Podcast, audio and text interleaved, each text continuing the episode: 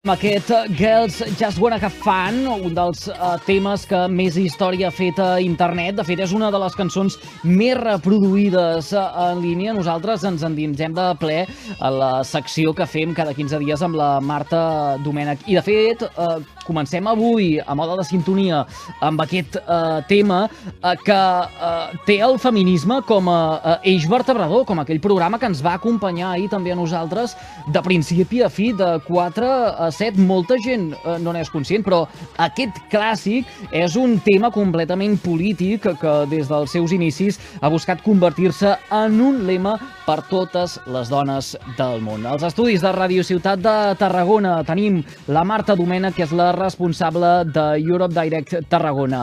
Marta, bona tarda, benvinguda, com estàs? Hola, bona tarda, benvinguts a tots. Doncs molt bé, molt bé. Uh, després d'un aiguat que ha caigut aquí a Tarragona en poca estona, eh, Sí o què? que quasi, quasi que no, que no arribo, però ja estic aquí. Eh, Ben, Escolta, però quan ha caigut aquest aiguat? Ara el, el... ens fa una mitjoreta o així, però així ens, de sobte ha caigut molta Ostres. aigua. De- Eh, però ja està, doncs, ja està. Amb, amb sol, eh? Estava un sol espectacular i caient aigua per totes bandes. No ho sé, doncs si, si hi ha algun oient que ens vol fer arribar o vol compartir amb nosaltres imatges, eh, si us plau, a través de les xarxes socials, eh, Coixinet Carrer Major, així de senzill, per tal que tots ens en puguem fer una idea. Aquest és un programa territorial i de vegades des d'un punt no albirem què és el que passa eh, pel que fa a, clima o meteorologia o d'altres eh, coses molt a prop. Jo ara mateix, eh, des de la finestra dels estudis Altafulla, ben a prop de Tarragona, escolta, veig aquest, aquesta tarda assolellada, sí que fa una mica de vent, però de moment res de pluja. Així que si en algun moment veig que comença a ploure, ja, ja en parlarem. Escolta, eh, comencem avui amb aquest, eh, amb aquest tema eh, que, que escoltem ara mateix de, de fons, aquest eh, Girls eh, Just Wanna Have Fun, eh, perquè ahir eh, va ser 8 de març, Dia Internacional de les Dones, eh, no aquí, sinó eh, arreu, de, arreu del món. Eh, com s'ha viscut aquest eh, Dia de les Dones a, a Europa? Eh, perquè penso que hi han pros i contres d'una jornada que hauria de tenir uns objectius molt ben marcats per tothom, però mm, no és així. Doncs bé, nosaltres reivindicar una paraula que, que, que ha desaparegut de, del nom d'aquest dia, eh? que és la paraula internacional, perquè és el que deixa molt clar que, que mm, aquí tenim molts drets, encara ens en falten molts, però és que hi ha moltes zones del planeta en què les dones estan anys llum dels nostres drets. Per tant, creiem que hem de reivindicar eh, que el Dia de les Dones eh, sigui el, el Dia Internacional de les Dones. Evidentment que hem de, de lluitar pels nostres drets, però no ens hem d'oblidar també dels drets que tenen altres dones. I en aquest sentit, la presidenta de la comissió, Ursula von der Leyen, eh, ahir tenia un record molt important per totes aquelles dones que estan vivint en llocs en guerra, especialment Ucraïna i a l'Afganistan, on són en molts casos eh, maltractades i fins i tot eh, utilitzades com a objecte sexual, violades. Per tant, eh, insistim en això, eh, amb el Dia Internacional de les Dones, a nosaltres encara hem de seguir avançant, però hi ha dones que estan molt malament anys llum de com estem en general a tots els països de la, de la Unió Europea. Com, com és que hem perdut aquesta ida internacional? Um, que uh, alguns li posen i d'altres no, eh? De fet, el, el 8M uh, hi ha qui li diu el Dia de la Dona, hi ha qui li diu el Dia Internacional de les Dones, després hi ha qui li posa el de la dona treballadora. Uh, El de la igualtat. no Ahir entrarem- també no- sentia jo el dia de la igualtat, eh? Dia... Doncs no ho sé, sincerament, no ho sé. Mm, Hauríem de fer una, una mica de, de, de cerca per la maroteca.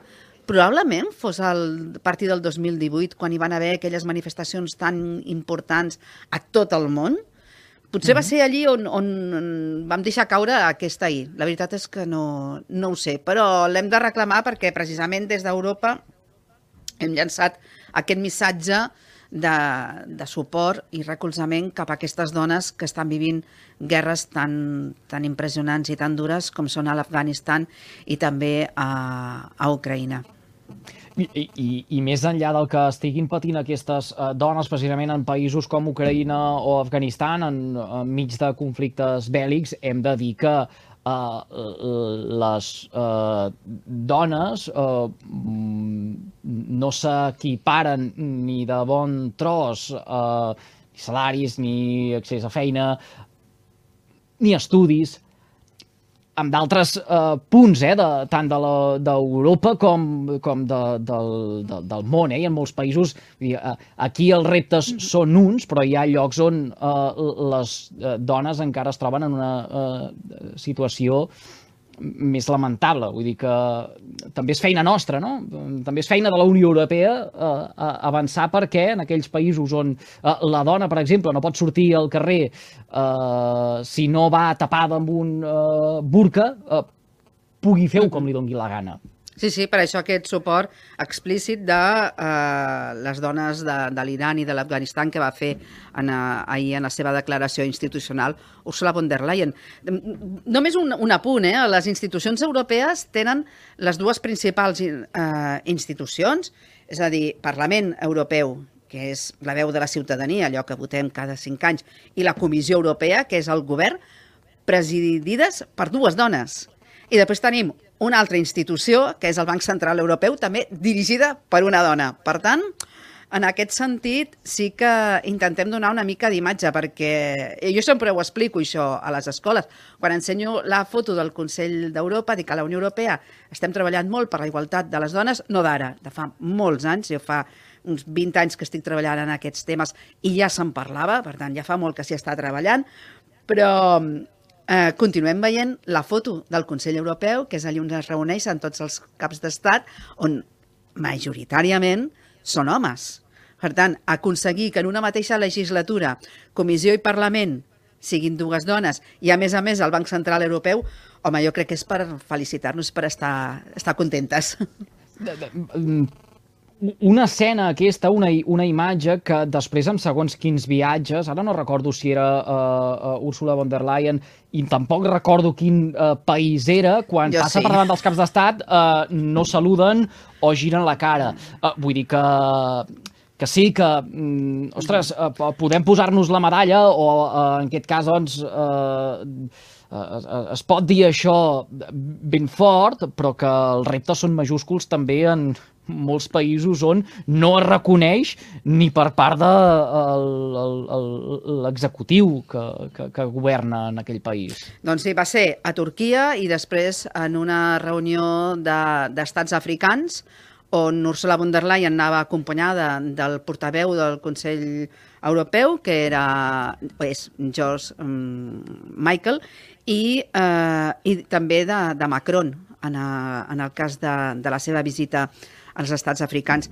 I eh, en els dos casos, tant Erdogan com el, el president africà, que perdoneu-me però no, no recordo el seu nom ara, van saludar i van tractar molt millor els nostres representants homes que no pas a, a la presidenta, que en aquells moments era el, el càrrec més alt de tota la representació de la Comissió Europea. La Unió Europea, Marta, eh, s'implica prou en aquests països per tal que hi hagi igualtat de gènere? Um, ara, ara fèiem referència a aquesta declaració institucional que uh, ahir es feia motiu del, del Dia Internacional de, de les Dones. Però, més enllà de les paraules, de la mateixa manera que ara en el cas del conflicte a Ucraïna, uh, si aboquen diners, si aboquen recursos uh, qüestionables també per Eh, ser de caire eh, bèl·lic, es treballa en aquesta igualtat de la mateixa manera que es vetlla per aquí perquè hi hagi una igualtat de gènere? A veure, eh, actuar en altres països no podem, perquè seria una ingerència política molt greu. Per tant, s'ha de fer d'altres maneres, eh, com a través de l'acció exterior, a través dels projectes que es duen europeus, que es duen a terme en aquests països. De fet, eh, la Comissió i el Servei Europeu d'Acció Exterior pretenen que a l'any 2025, és a dir, d'aquí a, a quatre dies, el 85% de les accions exteriors de la Unió Europea contribueixin precisament a la igualtat de gènere i a l'empoderament de les dones. És a dir, que qualsevol projecte que es presenti d'acció exterior tindrà que ha de tenir en compte, haurà de tenir en compte eh, precisament això, el, el, la igualtat de gènere i l'empoderament de les dones. És de la manera que nosaltres podem incidir a, fora de les nostres fronteres. També eh, unir forces per millorar tot el que té a veure amb els drets de salut sexual i reproductiva, sobretot a la zona de països africans. També s'hi està col·laborant i també s'hi està treballant. Però, clar, no perdem de vista que la Unió Europea no pot intervenir políticament fora de les seves fronteres. Per tant, s'ha de fer amb aquestes accions de cooperació que es duen a terme. Ahir el Dia Internacional de les Dones, en vam parlar eh, i vam insistir en que eh, eren assumptes que no únicament s'havien de posar en relleu en eh, jornades concretes com el 8M o el 25N. Eh, I aquí tenim també el, el repte o hem d'encaixar eh, també eh, aquesta premissa als mitjans de comunicació i, i l'agafem també eh, naltros des de carrer eh, Major. De fet, En això tot a cas- les institucions europees, perdona, es té molt en compte. No, no veuràs taula, o, o, o habitualment no veuràs taules exclusives d'homes. Els eurodiputats, quan els convides a una taula de debat, si no hi ha eh, igualtat entre homes i dones, no et venen, et diuen que no.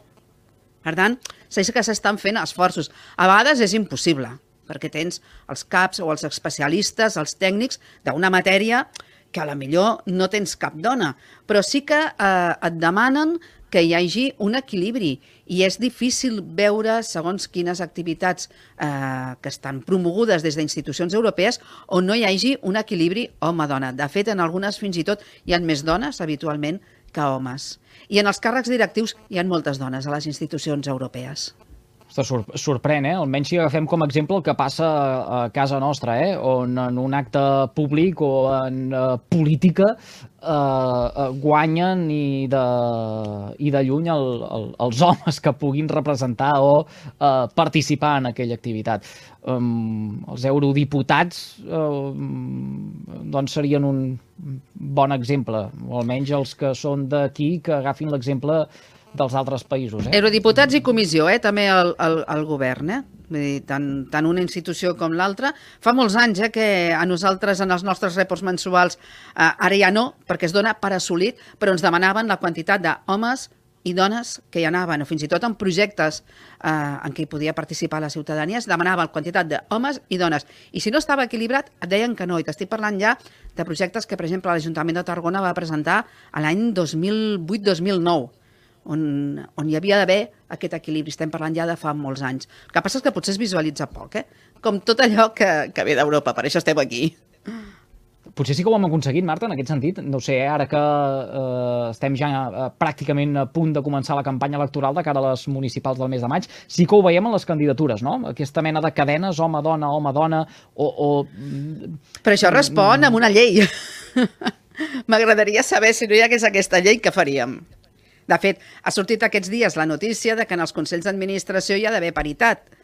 Però mm. això, això respon a una directiva europea que s'ha hagut de transposar a la legislació nacional.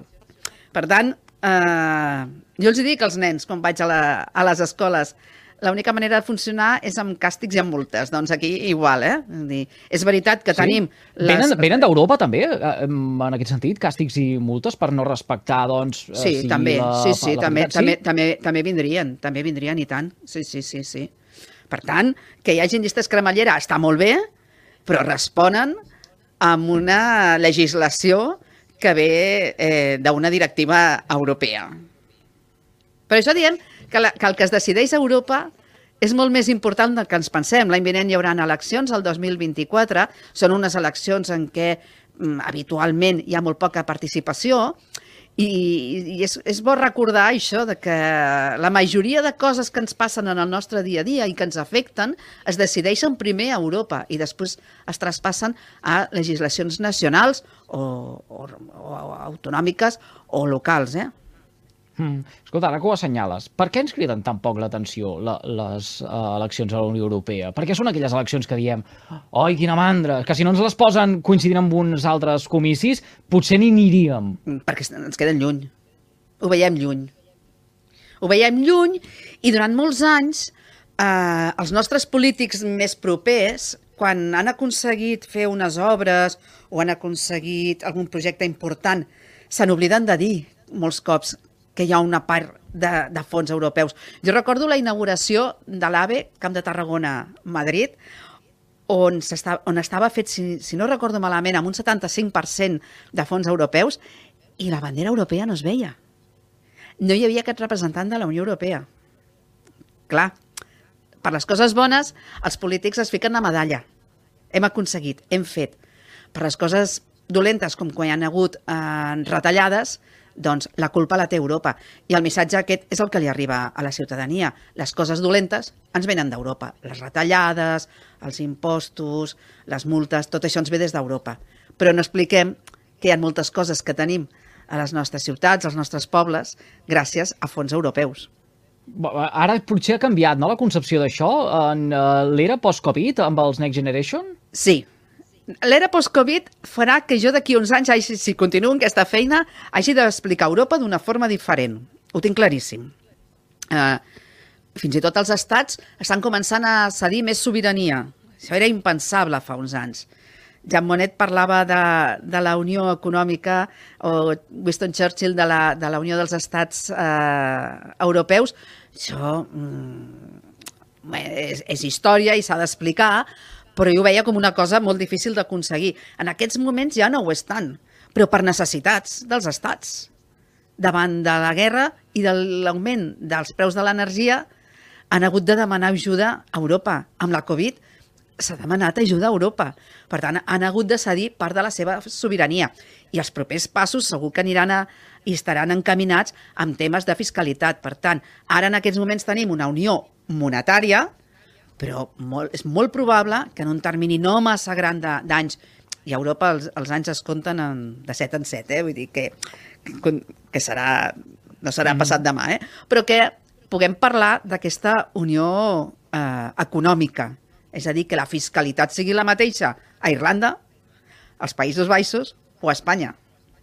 Aquest és un dels objectius que hi ha déu nhi és molt interessant tot el que comentes, eh? Mira, hem portat la conversa cap a un camp que no havíem que no teníem previst. Uh, preparat, que no teníem preparat per, per avui. Uh, uh, recapitulo, uh, no és 8 de març només un dia, eh, és 8 o ha de ser 8 de març cada dia de l'any, i això són uns deures que ens posem també nosaltres des de, uh, des de l'equip de, de Carrer Major. Uh, canviem de tema, però. Um, escolta, l'últim dia que ens visitaves, Marta, parlàvem dels vehicles de combustió sí. i d'aquella normativa, d'aquella normativa que uh, deia no, a partir del 2035 no se'n podran vendre a la Unió Europea. Uh, i, I tot ha quedat en paper mullat o, o, o almenys... Amb stand-by, un... amb stand-by. Sí? No ho dissem en paper mullat, amb stand-by. Itàlia i Alemanya eh, no estan d'acord i per tant ara començarà un període de negociacions. De fet, jo quan, quan vinc amb una d'aquestes notícies sempre dic, bé, això és, s'ha arribat a un acord, però ara s'ha d'esperar, perquè això s'ha de portar al Consell, després del Consell al Parlament, després ha de tornar als estats, vull dir que a vegades les, hi, ha, hi ha decisions que tardaran. Per exemple, la, del, la que vaig dir fa una, uns quants programes, ja bastants, de, dels USB, tipus C, sí, que seran els carregadors, mm -hmm. que seran únics a tota la Unió Europea, això no portarà a discussió. I això s'aprovarà i el 2024 ja ho tindrem.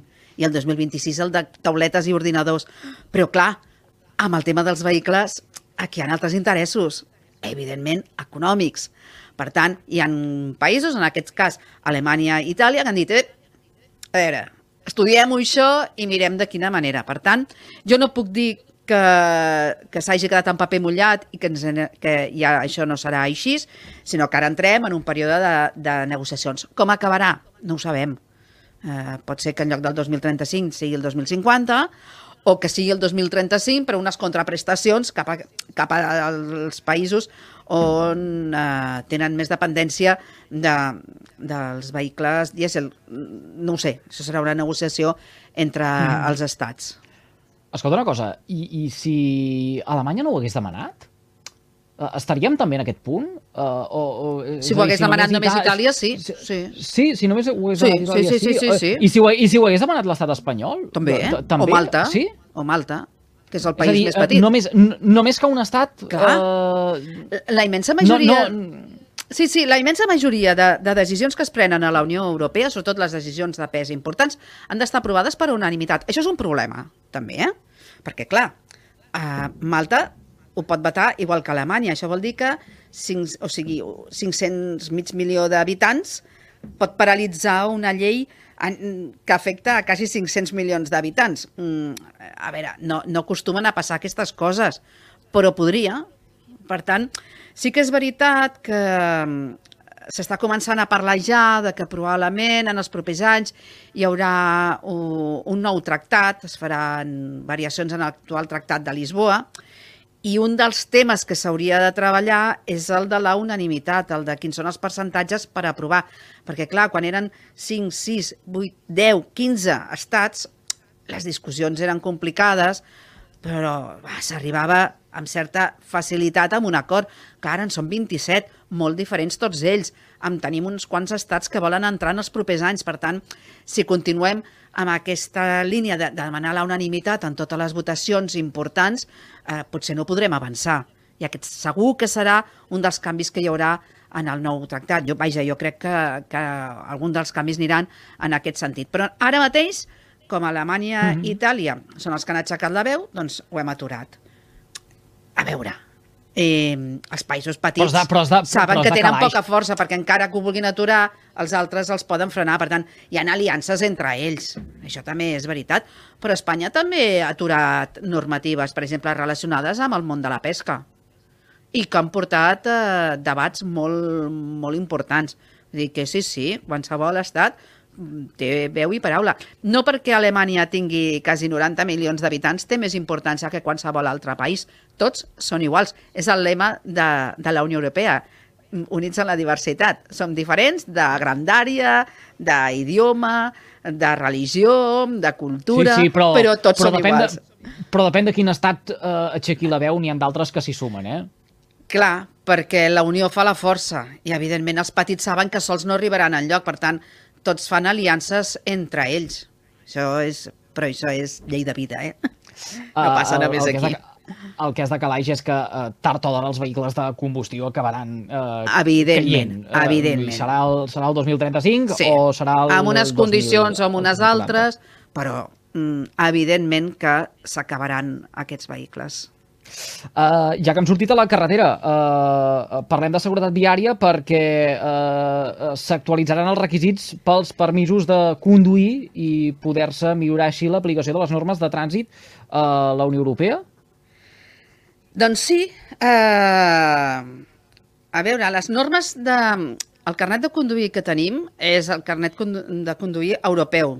Tots porten la mateixa. Això vol dir que, que hi ha un, uns, uns mínims que són iguals a tots els estats membres. I que el que esteu... Un, no fa masses anys, eh? Vull dir, quan jo era joveneta, si et treies el carnet de conduir aquí, te n'anaves a viure a França, no et servia. T'havies de treure un altre carnet, o hi havia països que simplement havies de pagar i llavors te'l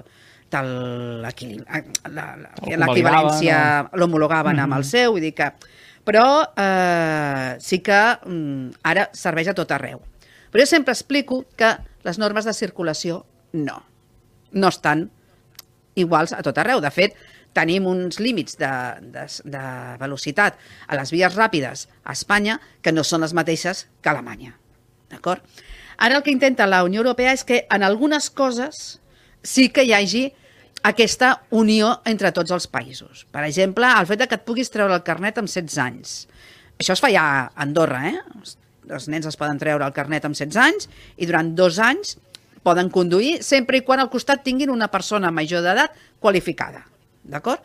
Doncs eh, no sabem ben bé quina seria la normativa europea, però la proposta és aquesta, que es puguin treure els carnets abans, que, que qui es tregui els carnets amb 16 anys durant, em sembla que és un període de dos o tres anys, es proposa que la taxa d'alcohol sigui 0,0. D'acord?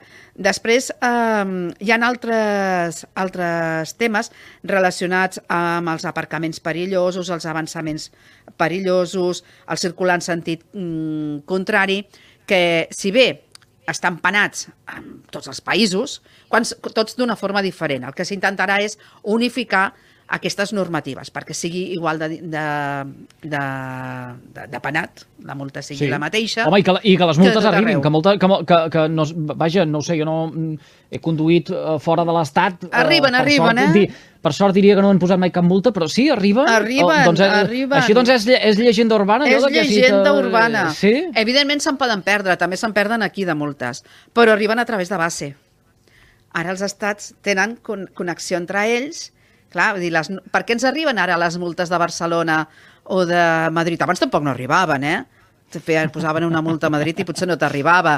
O, o pitjor era si te la posava la Guàrdia, o millor, vaja, la Guàrdia Urbana de Madrid, que aleshores ja segur que deia, "Va, aquesta multa no, no cal ni, ni fer-ne cas. Ara sí, perquè s'executen totes a través de base. Llavors arriben. Per tant, les multes de, que et poden posar a Portugal, a França, a Itàlia, a Romania, eh, arriben, eh? Arriben. Sempre n'hi ha alguna que es pot perdre, però arriben. déu nhi Escolta, i, i, i es, es preveu, eh, no ho sé, que circular sigui eh, més senzill en ciutats com eh, Ginebra? Eh, recordo una vegada que, escolta, quin, quin desastre, tot eren mm, carrils pintats de, de colors, pitjor que Barcelona, ara que també eh, estan fent un munt de ratlles pel paviment. Ginebra. És que Ginebra no està a la Unió Europea. Ai. I no el podem posar d'exemple. uh, el tema aquest de les ratlles de colors, que està molt criticat a Barcelona, te'l trobes a tot arreu. O sigui, cada vegada n'hi ha més. El que potser sí que haurem d'establir que tot arreu tinguin els mateixos colors i les mateixes formes per tal de que sigui molt més fàcil la conducció. Això sí que a mi imagino, eh? que s'haurà de fer. Però aquests, aquests carrils de colors i aquests carrils que només són per facilitar la vida a la ciutadania i que, i que com has dit, estan molt criticats, doncs ens els trobem ja a totes les grans ciutats europees. No sé si t'ha fet molta gràcia, I generen, això. I generen, i generen vaja, eh, allò de... Jo quan sé, condueixo sí. per algun lloc que no la conec, escolta, jo paro la ràdio perquè em, em, Sí. em poso nerviós. Clar, Eh, per, per això crec que sí que s'ha de... No, no, no, no tinc clar eh, que estigui dins d'aquesta directiva que es vol fer, vull dir, no, no ho sé segur, però sí que potser s'haurien d'homologar que totes les senyals siguin igual, igual que un se diu al pas a tot arreu és igual, o un stop és a tot arreu igual, o que el verd vol dir avançar i el vermell atureu-vos. Doncs suposo que també aquest tipus d'informació haurà de ser igual a tot arreu. Potser les ratlles de colors no, però potser hi haurà d'haver una informació vertical que recolzi la informació horitzontal que potser la, només estarà a l'abast de les persones que siguin de la zona més propera. no anirem a Suïssa, eh? eh que allí continuaran a la seva, a la seva bola. Sí, sí, allí a Suïssa estan fora de la Unió Europea, per tant, totes aquestes normatives no... no, no... Si aneu a Suïssa, tampoc utilitzeu el telèfon, que us costarà molt car, igual que si aneu a Andorra, que no estan a la Unió Europea. Marta, se'ns ha fet tardíssim, ho haurem de deixar. Teníem coses eh, que haurem de guardar, que ens queden al tinter, però serà per d'aquí 15 dies.